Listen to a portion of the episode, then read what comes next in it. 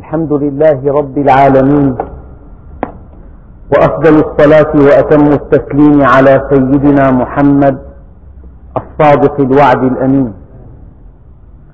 اللهم لا علم لنا إلا ما علمتنا إنك أنت العليم الحكيم. اللهم علمنا ما ينفعنا وانفعنا بما علمتنا وزدنا علما. وأرنا الحق حقا وارزقنا اتباعه. وأرنا الباطل باطلا وارزقنا اجتنابه. واجعلنا ممن يستمعون القول فيتبعون أحسنه. وأدخلنا برحمتك في عبادك الصالحين.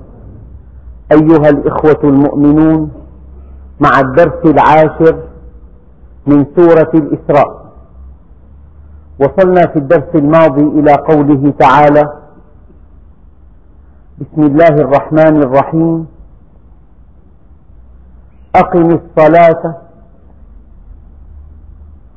لدلوك الشمس إلى غسق الليل وقرآن الفجر. إن قرآن الفجر كان مشهودا. ومن الليل فتهجد به نافلة لك. عسى أن يبعثك ربك مقاما محمودا.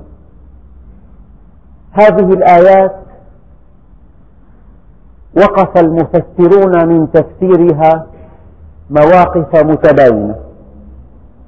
أقم الصلاة لدلوك الشمس إلى غسق الليل. دلوك الشمس زوالها عن كبد السماء. أقم الصلاة بدلوك الشمس.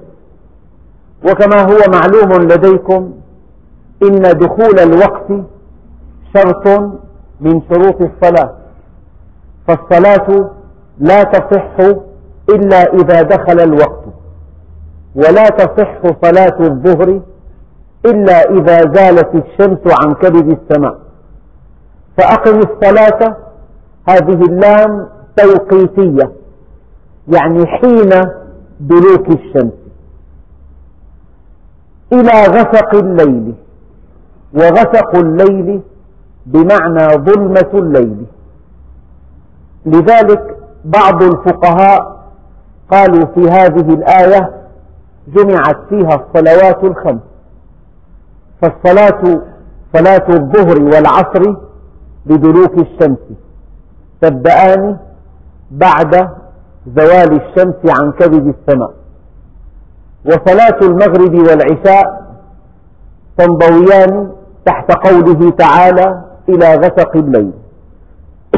وقرآن الفجر أي صلاة الصبح. وسميت الصلاة في مواضع أخرى ركوعا وسميت سجودا وسميت في هذه الآية قرآنا وهذا في البلاغة وارد أن نسمي الشيء ببعض أجزائه المهمة. فقراءة القرآن في الصلاة ركن من أركانها. فعلى هذا التفسير دخلت الصلوات الخمس في هذه الآية. أقم الصلاة بدلوك الشمس صلاة الظهر والعصر إلى غسق الليل صلاة المغرب والعشاء وقرآن الفجر صلاة الصبح. إن قرآن الفجر كان مشهودا.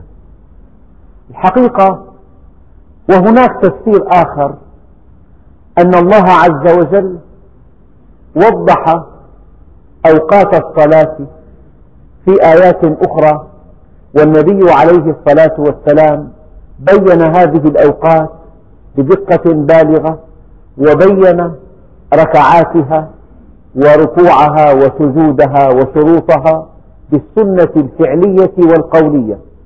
لأنكم كما تعلمون السنة هي كل قول أو فعل أو إقرار. صلوا كما رأيتموني أصلي. خذوا عني مناسككم. فالسنة أنواع ثلاثة. نوع منها قولي. ونوع منها فعلي عملي ونوع منها إقراري. فالصحابي الجليل إذا فعل شيئا بحضرة النبي عليه الصلاة والسلام وبقي النبي ساكتا فهذا من السنة لأن النبي عليه الصلاة والسلام لا يسكت على خطأ. لماذا؟ لأنه مشرع. لو أنه سكت على خطأ لعد هذا الخطأ شرعا ولا سمح باتباعه وهذا في حق النبي مستحيل. لذلك إقراره أو أفعاله أو أقواله. فالصلوات الخمس بأوقاتها وأركانها وشروطها وسننها وكل تفصيلاتها وردت فيها سنة فعلية وقولية. بينما هذه الآية تأمرنا بمطلق الصلاة. يعني الصلاة فرض قطعي الثبوت في هذه الآية. أقم الصلاة. ومن فهم من هذه الآية أن النبي عليه الصلاة والسلام مأمور بالصلاة فأمته مأمورة أيضا بالتبعية. فالله سبحانه وتعالى قد أمر المؤمنين بما أمر به المرسلين. ويبدو أن الدين شطر أن الصلاة شطر الدين.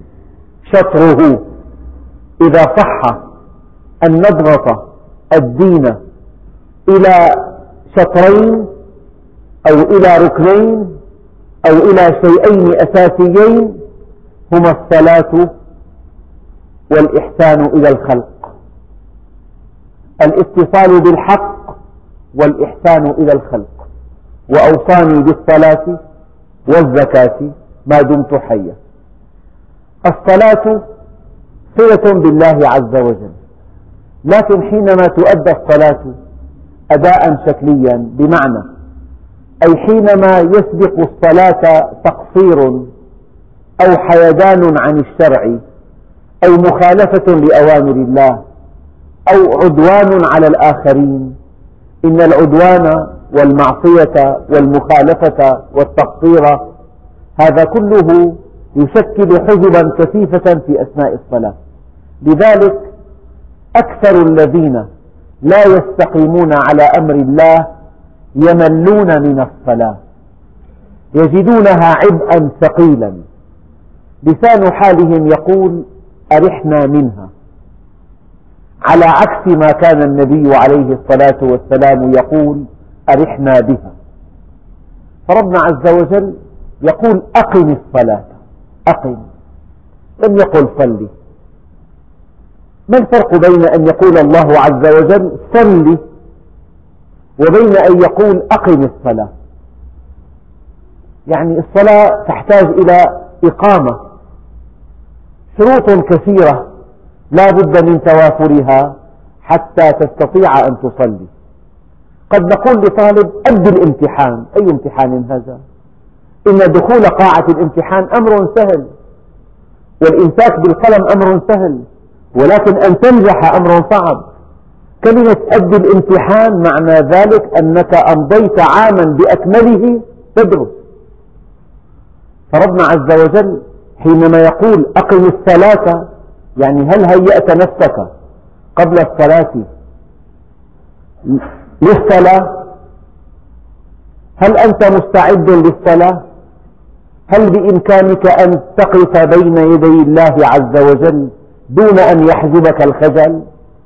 دون أن يحجبك حاجب؟ أقم الصلاة من معاني هذه الآية.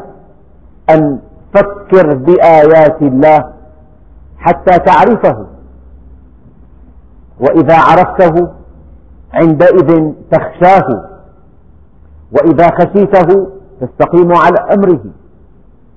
وإذا استقمت على أمره تستطيع أن تقف بين يديه وتحس عندئذ أن الصلاة شيء ثمين ثمين خطر في بالي مثل يوضح الصلاة الجوفاء والصلاة الصحيحة. لو دعيت إلى طعام وجلست على مائدة وضع أمامك صحن وملعقة وكؤوس وأواني ومنديل وكل شيء وضع بالتمام والكمال إلا الطعام. لو دعيت إلى هذه الولائم مرارا وتكرارا. تمل من هذا من هذه الدعوة ومن حضور هذه المائدة. لا طعام عليها صحون موجود. كل شيء على الطاولة صحيح إلا الطعام. لكنك إذا دعيت إلى طعام نفيس وجاءت الدعوة ثانية إنك تلبي بشوق وباهتمام وبسرور وتشعر بأن الذي دعاك قد امتن عليك. فبين أن تصلي صلاة صحيحة فتخرج من الصلاة وقد قبضت شيئا ثمينا الصلاة ميزان فمن وفى استوفى وبين أن تصلي صلاة جوفاء سريعا ما تملها وتعرض عنها. لذلك جاء, جاء وصف المنافقين أنهم إذا قاموا إلى الصلاة قاموا كسالى. يراءون الناس ولا يذكرون الله إلا قليلا. أقم الصلاة. لدلوك الشمس هناك تفسيرات تقول لدلوك الشمس إلى غياب الشمس. أقم الصلاة لدلوك الشمس إلى غسق الليل وقرآن الفجر. ربنا سبحانه وتعالى في سورة المزمل يقول يا أيها المزمل قم الليل إلا قليلا نصفه أو انقص منه قليلا أو زد عليه ورتل القرآن ترتيلا إنا سنلقي عليك قولا ثقيلا إن ناشئة الليل هي أشد وطئا وأقوم قيلا يعني ركعتان في جوف الليل خير من الدنيا وما فيها لأن طبيعة الإنسان في الليل طبيعة صافية. لا مشاغل لا مواعيد لا أولاد لا متاعب لا ضجيج يعني كل هذه العوائق والعلائق في صلاة الليل مختفية. ويبدو أن الإنسان إذا قام من نومه تكون نفسه أصفى مما لو ذهب إلى الصلاة من عمله. لأن طبيعة العمل فيها متاعب فيها مشاحنة فيها مشكلات. هذه المتاعب تسير معك إلى المسجد. لكن صلاة الليل تمتاز عن غيرها بأن الاتصال فيها محكم. وأن إقبال العبد على ربه مؤكد. وأن تلقي التجلي محتمل. لذلك قال الله عز وجل في الحديث القدسي إذا كان ثلث الليل الأخير نزل ربكم إلى السماء الدنيا. فيقول هل من تائب فأتوب عليه؟ هل من سائل فأعطيه؟ هل من طالب حاجة فأقضيها له حتى ينفجر الفجر؟ أقم الصلاة بدلوك الشمس إلى غسق الليل وقرآن الفجر. الفقهاء يعني أشاروا إلى أن النبي عليه الصلاة والسلام كان يقرأ في صلاة الفجر ما يزيد عن أربعين أو إلى ستين آية في كل ركعة.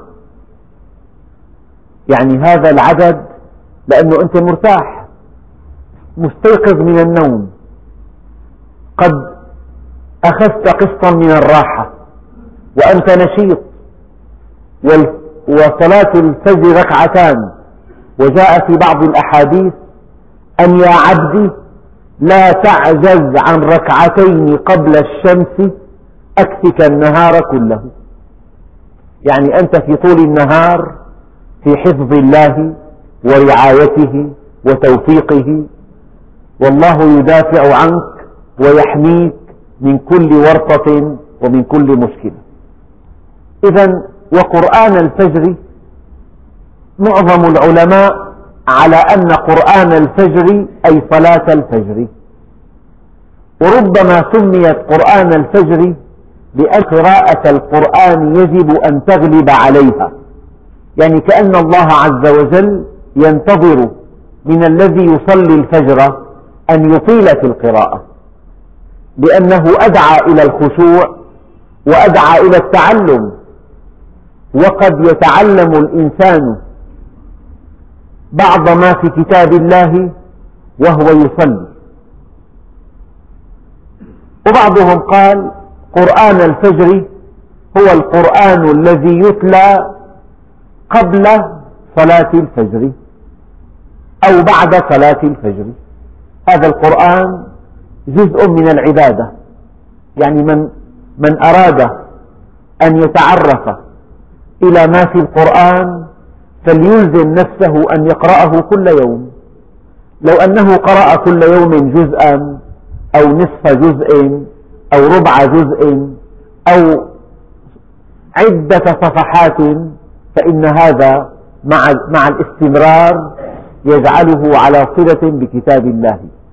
صلة مستمرة. إن قرآن الفجر كان مشهودا أي مشهودا من قبل الملائكة.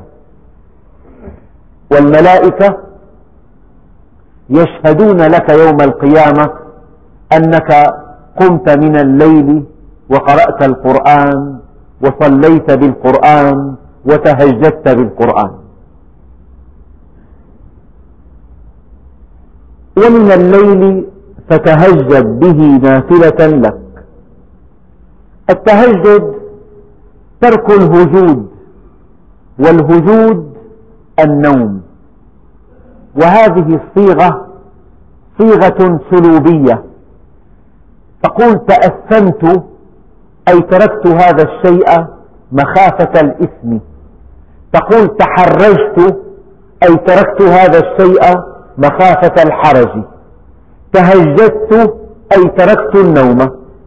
فالتهجد أن تدع النوم لتصلي. ومنها صلاة التهجد وهي صلاة فيها استيقاظ بعد أن تأخذ قسطا من النوم. يعني لا يقال لصلاة التهجد تلك التي يصليها الإنسان قبل أن ينام. لا. هذه الصلاة التي يصليها بعد أن ينام. ينام ويستيقظ قبل صلاة الفجر. هذه صلاة التهجد.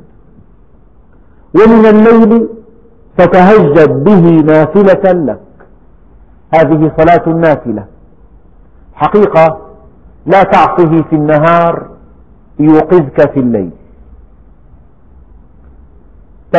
شكوت إلى وكيع سوء حفظي فأرشدني إلى ترك المعاصي وأنبأني بأن العلم نور ونور الله لا يهدى لعاصي.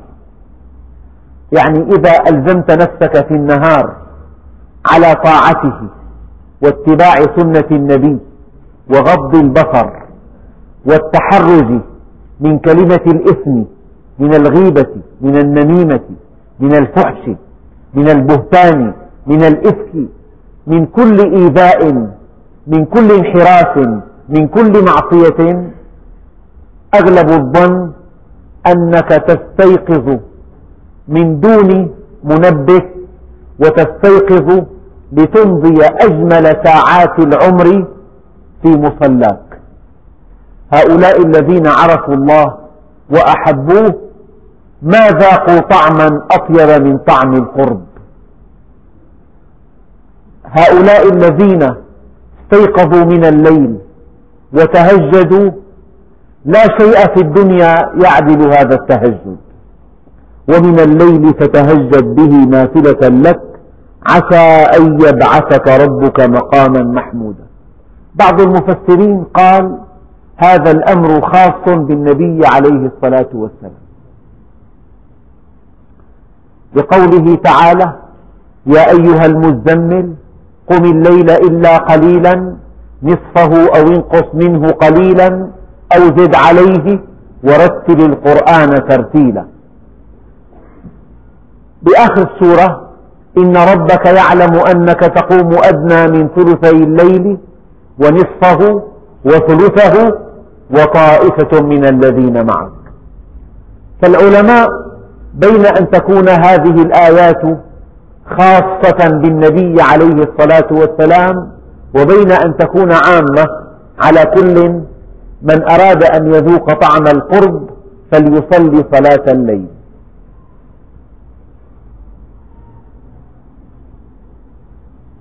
صلاة الليل تحتاج إلى طاعة تامة في النهار تحتاج إلى عمل صالح. تحتاج إلى بذل وعطاء إلى تضحية وإيثار. عندئذ ترى أمتع شيء أن تقف على قدميك وتقرأ القرآن في الليل وتناجي ربك. قلت اليوم في الخطبة أن سيدنا عمر وفد إليه رسول من أذربيجان. هذا الرسول وصل المدينة في منتصف الليل. فكره أن يطرق باب أمير المؤمنين فتوجه إلى المسجد إلى مسجد رسول الله صلى الله عليه وسلم. وفي المسجد يبدو أن الظلام كان دانسا وفي المسجد سمع صوت أنين وشوق إلى الله عز وجل. سمع صاحب هذا الصوت يقول يا رب أنا واقف ببابك مستمسك بحبالك. هل قبلت توبتي فأهنئ نفسي؟ أم رددتها فأعزيها؟ فقال هذا الرسول من أنت يرحمك الله؟ قال أنا عمر بن الخطاب. يعني كره أن يطرق بابه ليلا فإذا هو في المسجد. قال يا أمير المؤمنين ألا تنام الليل؟ قال إني إن نمت ليلي كله أضعت نفسي أمام ربي. لذلك قالوا من أمضى عمره بالنوم أتى يوم القيامة مفلسا. إني إن نمت ليلي كله أضعت نفسي أمام ربي. وإن نمت نهاري أضعت رعيتي. ويمكثان حتى يؤذن الفجر ويصليان الفجر ويأخذ عمر ضيفه إلى البيت. وفي البيت يقول للسيدة أم كلثوم هذه كوكب الإسلام. يقول يا بنت رسول الله ماذا عندك من طعام؟ قالت والله يا أمير المؤمنين ما عندنا إلا خبز وملح. تقدم يقدم عمر إلى ضيفه هذا الطعام الخشن ويأكلانه ويحمدا الله عز وجل على هذه النعمة. ويقول عمر لضيفه ما الذي أقدمك إلينا؟ يقول معي هدية من عاملك على أذربيجان علبة, علبة فيها بعض الحلوى. قال سيدنا عمر أو يأكل عندكم عامة المسلمين هذا الطعام؟ قال لا هذا طعام الخاصة الطبقة الغنية. قال أو أعطيت فقراء المدينة مثل ما أعطيتني؟ قال لا هذه لك وحدك. ما كان من عمر إلا أن أمر الرسول أن يبلغ الأمير هناك أن يأكل مما يأكل منه عامة المسلمين وأمره ألا يعود إلى ذلك أبدا وأمر الرسول أن يذهب بهذه الحلوى ليوزعها على فقراء المسلمين في مسجد رسول الله. وقال قولته الشهيرة حرام على بطن عمر أن يذوق حلوى لا يطعمها فقراء المسلمين. طبعا هذا هذا الورع من صلاة الليل. في سورة المزمل إنا سنلقي عليك قولا ثقيلا إن ناشئة الليل هي أشد وطئا وأقوم قيلا إن لك في النهار سبحا طويلا. يعني إذا شحنت نفسك في الليل فاضت الأنوار في النهار فاض العلم في النهار فاض العمل الصالح فاض الورع فاض القول السديد فاض الفكر الثاقب المواقف الأخلاقية والتفكير السليم واتخاذ القرار الصحيح والرؤية الصحيحة هذا كله من أفضال صلاة الليل. لا تستخف بصلاة الليل إنها مدرسة. مدرسة بكل ما في هذه الكلمة من معنى. مدرسة. خرجت الصديقين خرجت كبار المؤمنين خرجت العارفين بالله. أحد كبار العلماء العارفين رآه تلميذه في المنام قال يا سيدي ما فعل الله بك؟ قال طاحت تلك الإشارات وذهبت تلك العبارات ولم يبق إلا ركيعات ركعناها في جوف الليل. يعني احفظ سورة ياسين. واقرأها بقيام الليل من ركعات عند كل كلمة مبين تركع. هي من مبينات سورة ياسين. احفظ ياسين فهي قلب القرآن واقرأها في جوف الليل.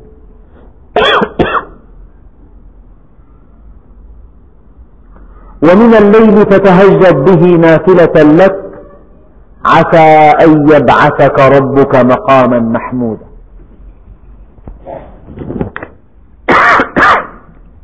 والمقام المحمود إما أن يكون خاصا بالنبي عليه الصلاة والسلام فقد قال عليه الصلاة والسلام سلوا لي الوسيلة فإنها مقام لا ينبغي إلا لواحد من خلقه وأرجو أن أكون أنا.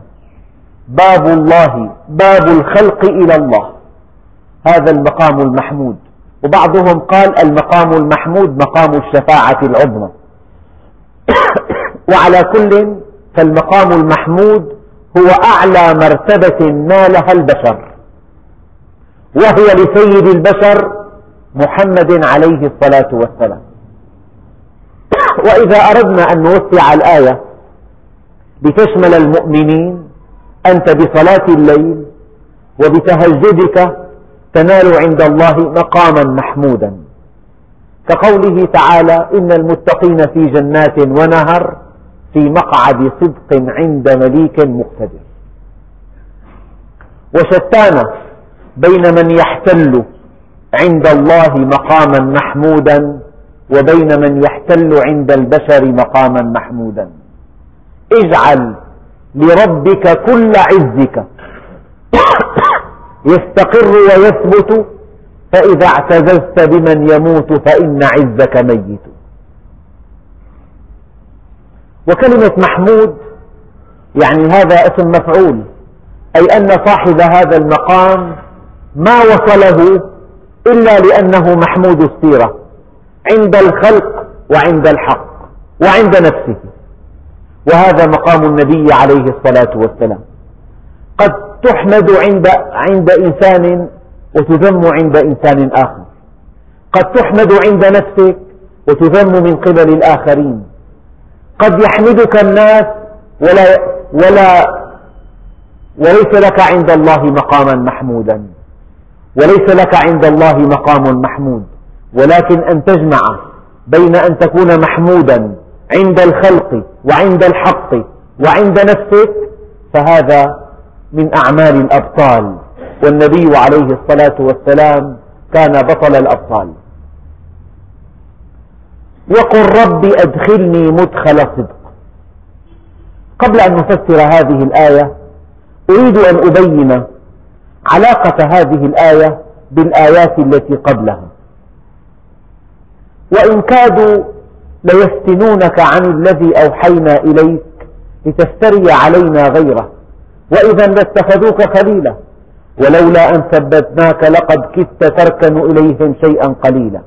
إذا لأذقناك ضعف الحياة وضعف الممات ثم لا تجد لك علينا نصيرا وإن كادوا ليستفزونك من الأرض ليخرجوك منها وإذا لا يلبثون خلافك إلا قليلا. سنة من قد أرسلنا قبلك من رسلنا ولا تجد لسنتنا تحويلا. أقم الصلاة. ما علاقة هذه الآيات بهذه الآية؟ قال بعض المفسرين أي أن الإنسان كلما واجه كيدا أو واجه صعوبة أو لاح له شبح مصيبة أو اهتم قلبه أو تضعضعت نفسه دونك من الأرض ليخرجوك منها. أقم الصلاة لدلوك الشمس. وهذه وصفة ربانية. كلما هالك أمر ثق به. كلما عرض لك خطر ثق به. كلما قال لك الطبيب كذا وكذا مما يضيق القلب ثق به.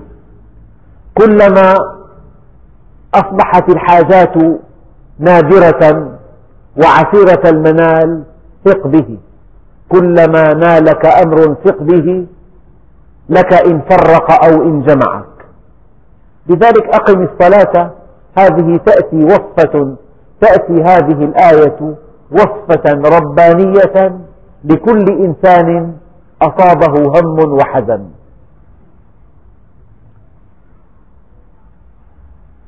ربنا عز وجل في بعض الآيات يقول ولقد نعلم أنه يحزنك الذي يقولون يعني أحيانا ربنا عز وجل يصف حالة النبي حينما يرى الطرق مسدودة والصد عن سبيل الله قويا حينما يرى المعارضة تشتد وهناك من يكيد له من كل جانب حينما يتخلى عنه الأصدقاء ويضعف أمامه الأصحاب وحينما تقوى شوكة العدو عندئذ أقم الصلاة بدلوك الشمس إلى غسق الليل.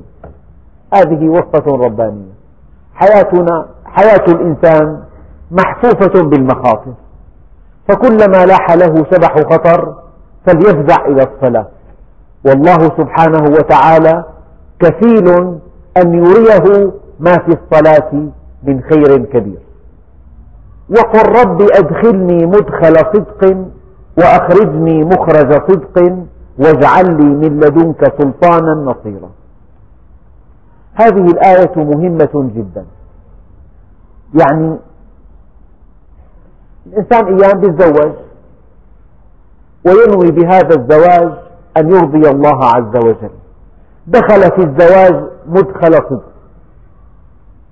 فإذا وهو متزوج تغريه زوجته أن يفعل كذا وكذا وأن يدع كذا وكذا وأن يكسب هذا المال الحرام.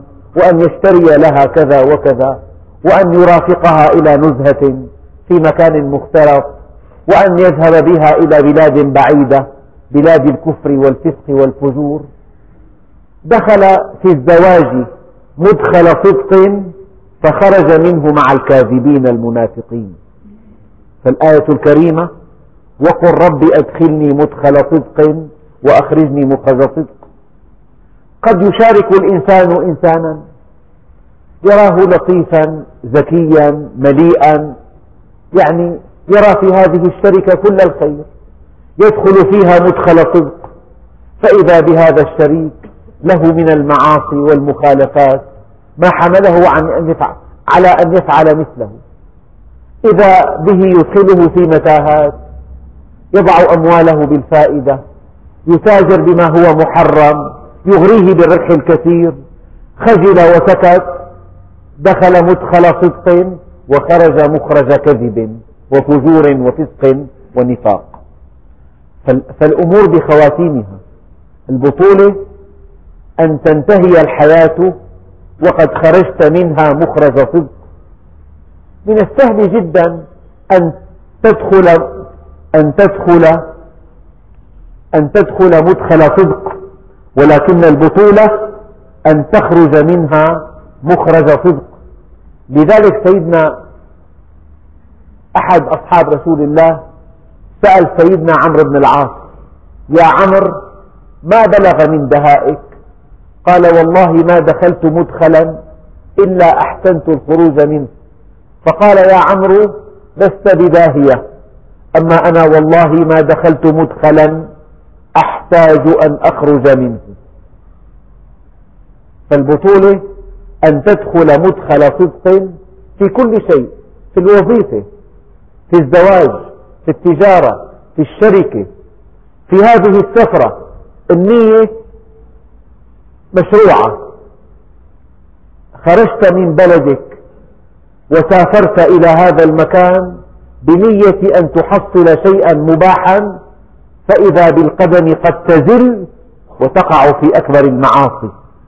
فلذلك الدعاء في كل حركة في السفر في الدخول إلى عند بعض الأشخاص في أي موقف في مزالق في أخطار في احتمال أن يقع الإنسان بالمعصية في أي مكان يمكن أن تزل القدم ادع بهذا الدعاء. رب أدخلني مدخل صدق وأخرجني مخرج صدق واجعل لي من لدنك سلطانا نصيرا. الإنسان يعني في مزالق في الحياة كثيرة جدا. إذا كان معتصما بالله مستمسكا بحبل الله ذاكرا لله أغلب الظن أن الله سبحانه وتعالى يحفظه من كل مكروه. وقل رب أدخلني مدخل صدق. يعني صدق معك صدق في النية وصدق في الفعل وصدق في الاستقامة وصدق في البذل. يعني المدخل صدق وهذه كلمة جامعة مانعة. يعني أنت مع الله صادق في أقوالك وفي أفعالك وفي وجهتك وفي نواياك وفي حركاتك وفي سكناتك. وأخرجني مخرج صدق. كن معي يا ربي في هذا في هذا المكان وفي هذا السفر وفي هذا اللقاء وفي هذه المقابلة. كن معي حتى لا تزل قدمي. من أجل أن أخرج منها مخرج صدق. واجعل لي من لدنك سلطانا نصيرا. يعني ألهمني حجتي. ألهمني أن أقف موقفا صلبا صلبا. ألهمني ألا أقع تحت إغراء المال وألا تقع أقع تحت ضغط الآخرين. الإنسان بين الضغوط والإغراءات. الضغط مزلة قدم والإغراء مزلة قدم. والإنسان واقع بينهما. واجعل لي من لدنك سلطانا نصيرا. يعني إذا كان الله معك فمن عليك وإذا كان عليك فمن معك. ما من مخلوق يعتصم بي من دون خلقي أعرف ذلك من نيته فتكيده أهل السماوات والأرض إلا جعلت له من بين ذلك مخرجا. وما من مخلوق يعتصم بمخلوق دوني أعرف ذلك من نيته إلا جعلت الأرض هويا تحت قدميه. وقطعت أسباب السماء بين يديه كن مع الله ترى الله معك. واترك الكل وحاذر طمعك. وإذا أعطاك من يمنعه ثم من يعطي إذا ما منعك كيفما شاء فكن في يده لك إن فرق أو إن جمعك. أطع أمرنا نرفع لأجلك حجبنا فإنا منحنا بالرضا من أحبنا. ولذ بحمانا واحتمي بجنابنا لنحميك مما فيه أشرار خلقنا. وقل رب أدخلني مدخل صدق وأخرجني مخرج صدق واجعل لي من لدنك سلطانا نصيرا. أيام الإنسان يدخل إلى بيته يدخل مدخل صدق. حامل الأغراض وفايت ينشئ خلاف تسمعه كلمة قاسية. يرد عليها بكلمة أقسى تقسو عليه إلى أن يحلف عليها بالطلاق يمينا ويطردها من البيت وعنده أولاد خمسة. دخل مدخل صدق لكن ما خرج من البيت مخرج صدق. فالإنسان إذا دخل بيته عليه أن يسمي الشيطان يقول لإخوانه إذا دخل الرجل إلى البيت ولم يسمي يقول أصبتم المبيت نوم ليلة بهالبيت فإذا جلس إلى الطعام ولم يسمي قال أصبتم العشاء. فإذا دخل الرجل ولم يسمي وجلس إلى الطعام ولم يسمه قال الشيطان لإخوانه أصبتم المبيت والعشاء معا. هي تصلح لركوب السيارة كمان. واحد يركب سيارته ترى هل هناك إنسان نائم يأتي أمامه؟ قد يقع حادث مروع قد يفقد أحد أعضاء الإنسان. والخطأ ليس خطأه وليس الخطأ خطأه. إيه؟ وقل ربي أدخلني مدخل صدق وأخرجني مخرج صدق واجعل لي من لدنك سلطانا نصيرا. وقل جاء الحق وزهق الباطل إن الباطل كان زهوقا. الحق الشيء الثابت المستمر والباطل الشيء الطارئ غير المستمر. يعني الحائط الذي بني على غير الشاقول الحائط المائل لا بد من أن يقع. نقول هذا الحائط باطل. أما الحائط الذي بني على الشاقول هذا الحائط بني بالحق أي سوف يبقى. فالحق هو الشيء الثابت الهادف. الشيء الثابت الهادف. والدليل أن الله عز وجل في آيتين من آيات كتاب الله وضح فيهما معنى الحق. قال وما خلقنا السماوات والأرض وما بينهما باطلا. الباطل الشيء الزائل فالحق الشيء الثابت. وفي آية ثانية قال وما خلقنا السماوات والأرض وما بينهما لاعبين واللعب هو العمل الذي لا جدوى منه فالحق إذا خلاف اللعب العمل الهادف فتعريف الحق من خلال هاتين الآيتين هو الشيء الثابت الهادف الباطل الشيء غير الثابت غير الهادف لا جدوى منه ولا يثبت بعضهم قال الباطل وجوده ليس ذاتيا. هناك أسباب خارجية تجعله يقف. فإذا زالت وقع. أما الحق وجوده ذاتي. يعني إنسان ضعيف الإمكانات قد نضعه في مكان رفيع ولكن الذي وضعه دعمه. فهذا وجوده بالباطل لكن لو أن الإنسان أهل لهذا المكان وعنده من العلم والخبرة والحكمة ما يجعله في مستوى هذا المكان نقول هذا الإنسان مكانه بالحق. يعني هذا الذي وضعه في هذا المكان لو تخلى عنه إن وجوده قائم. فمن معاني الحق أن يكون الشيء ثابتا وهادفا. فالله سبحانه وتعالى يقول وقل جاء الحق وزهق الباطل إن الباطل كان زهوقا. بعضهم يقول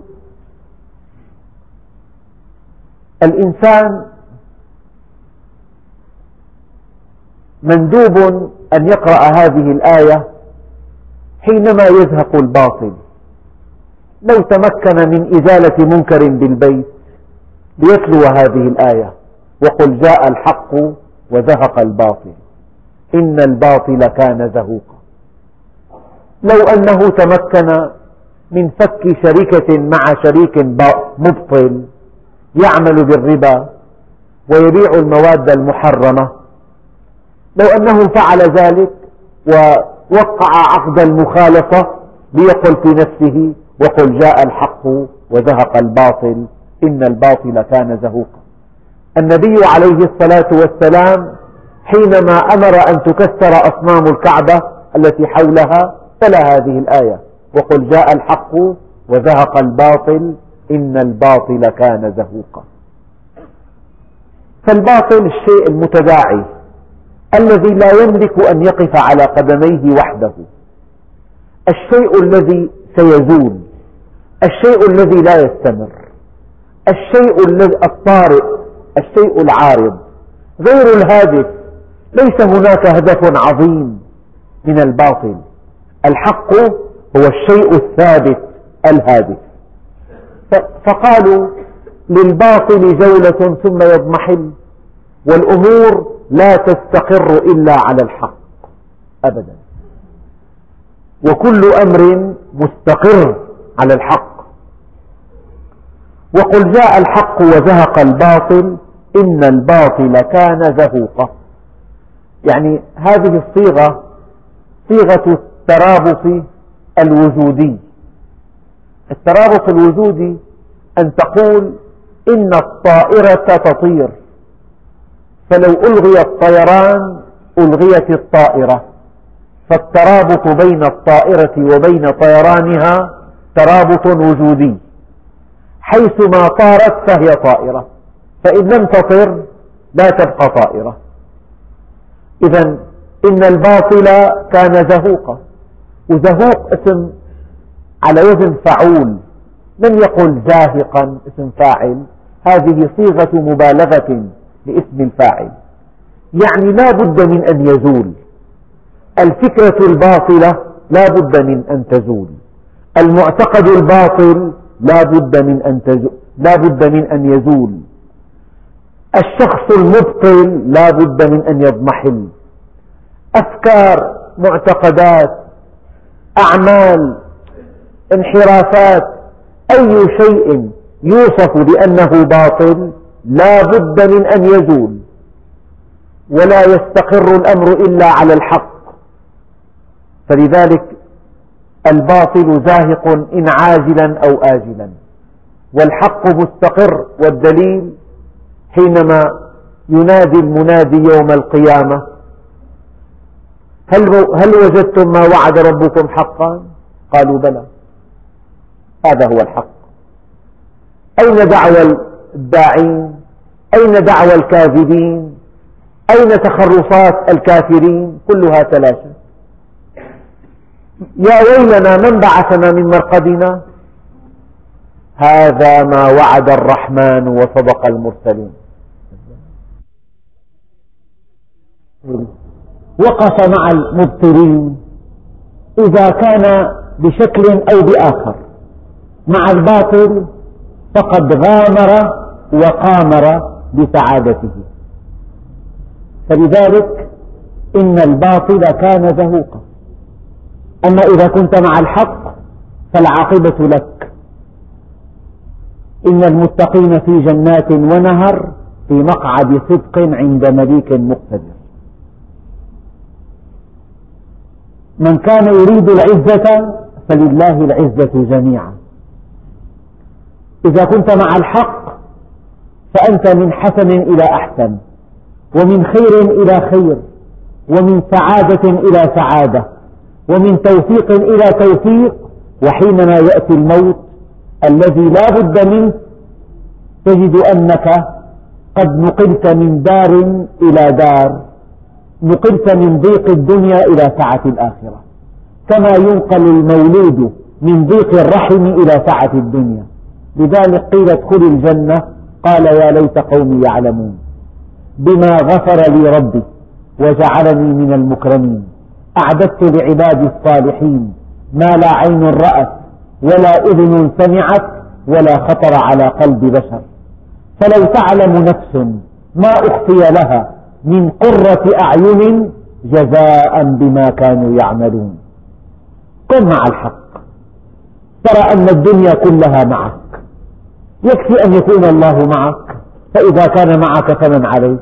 يكفي إن الله معك بالرعاية والحفظ والتوفيق والتسديد وكل ما وكل ما تشتهي نفسك عبدي كن لي كما أريد أكن لك كما تريد. كن لي كما أريد ولا تعلمني بما يصلحك. أنت وأنا أريد فإذا سلمت لي فيما أريد كفيتك ما تريد. وإن لم تسلم لي فيما أريد أتعبتك فيما تريد ثم لا يكون إلا ما أريد والحمد لله رب العالمين.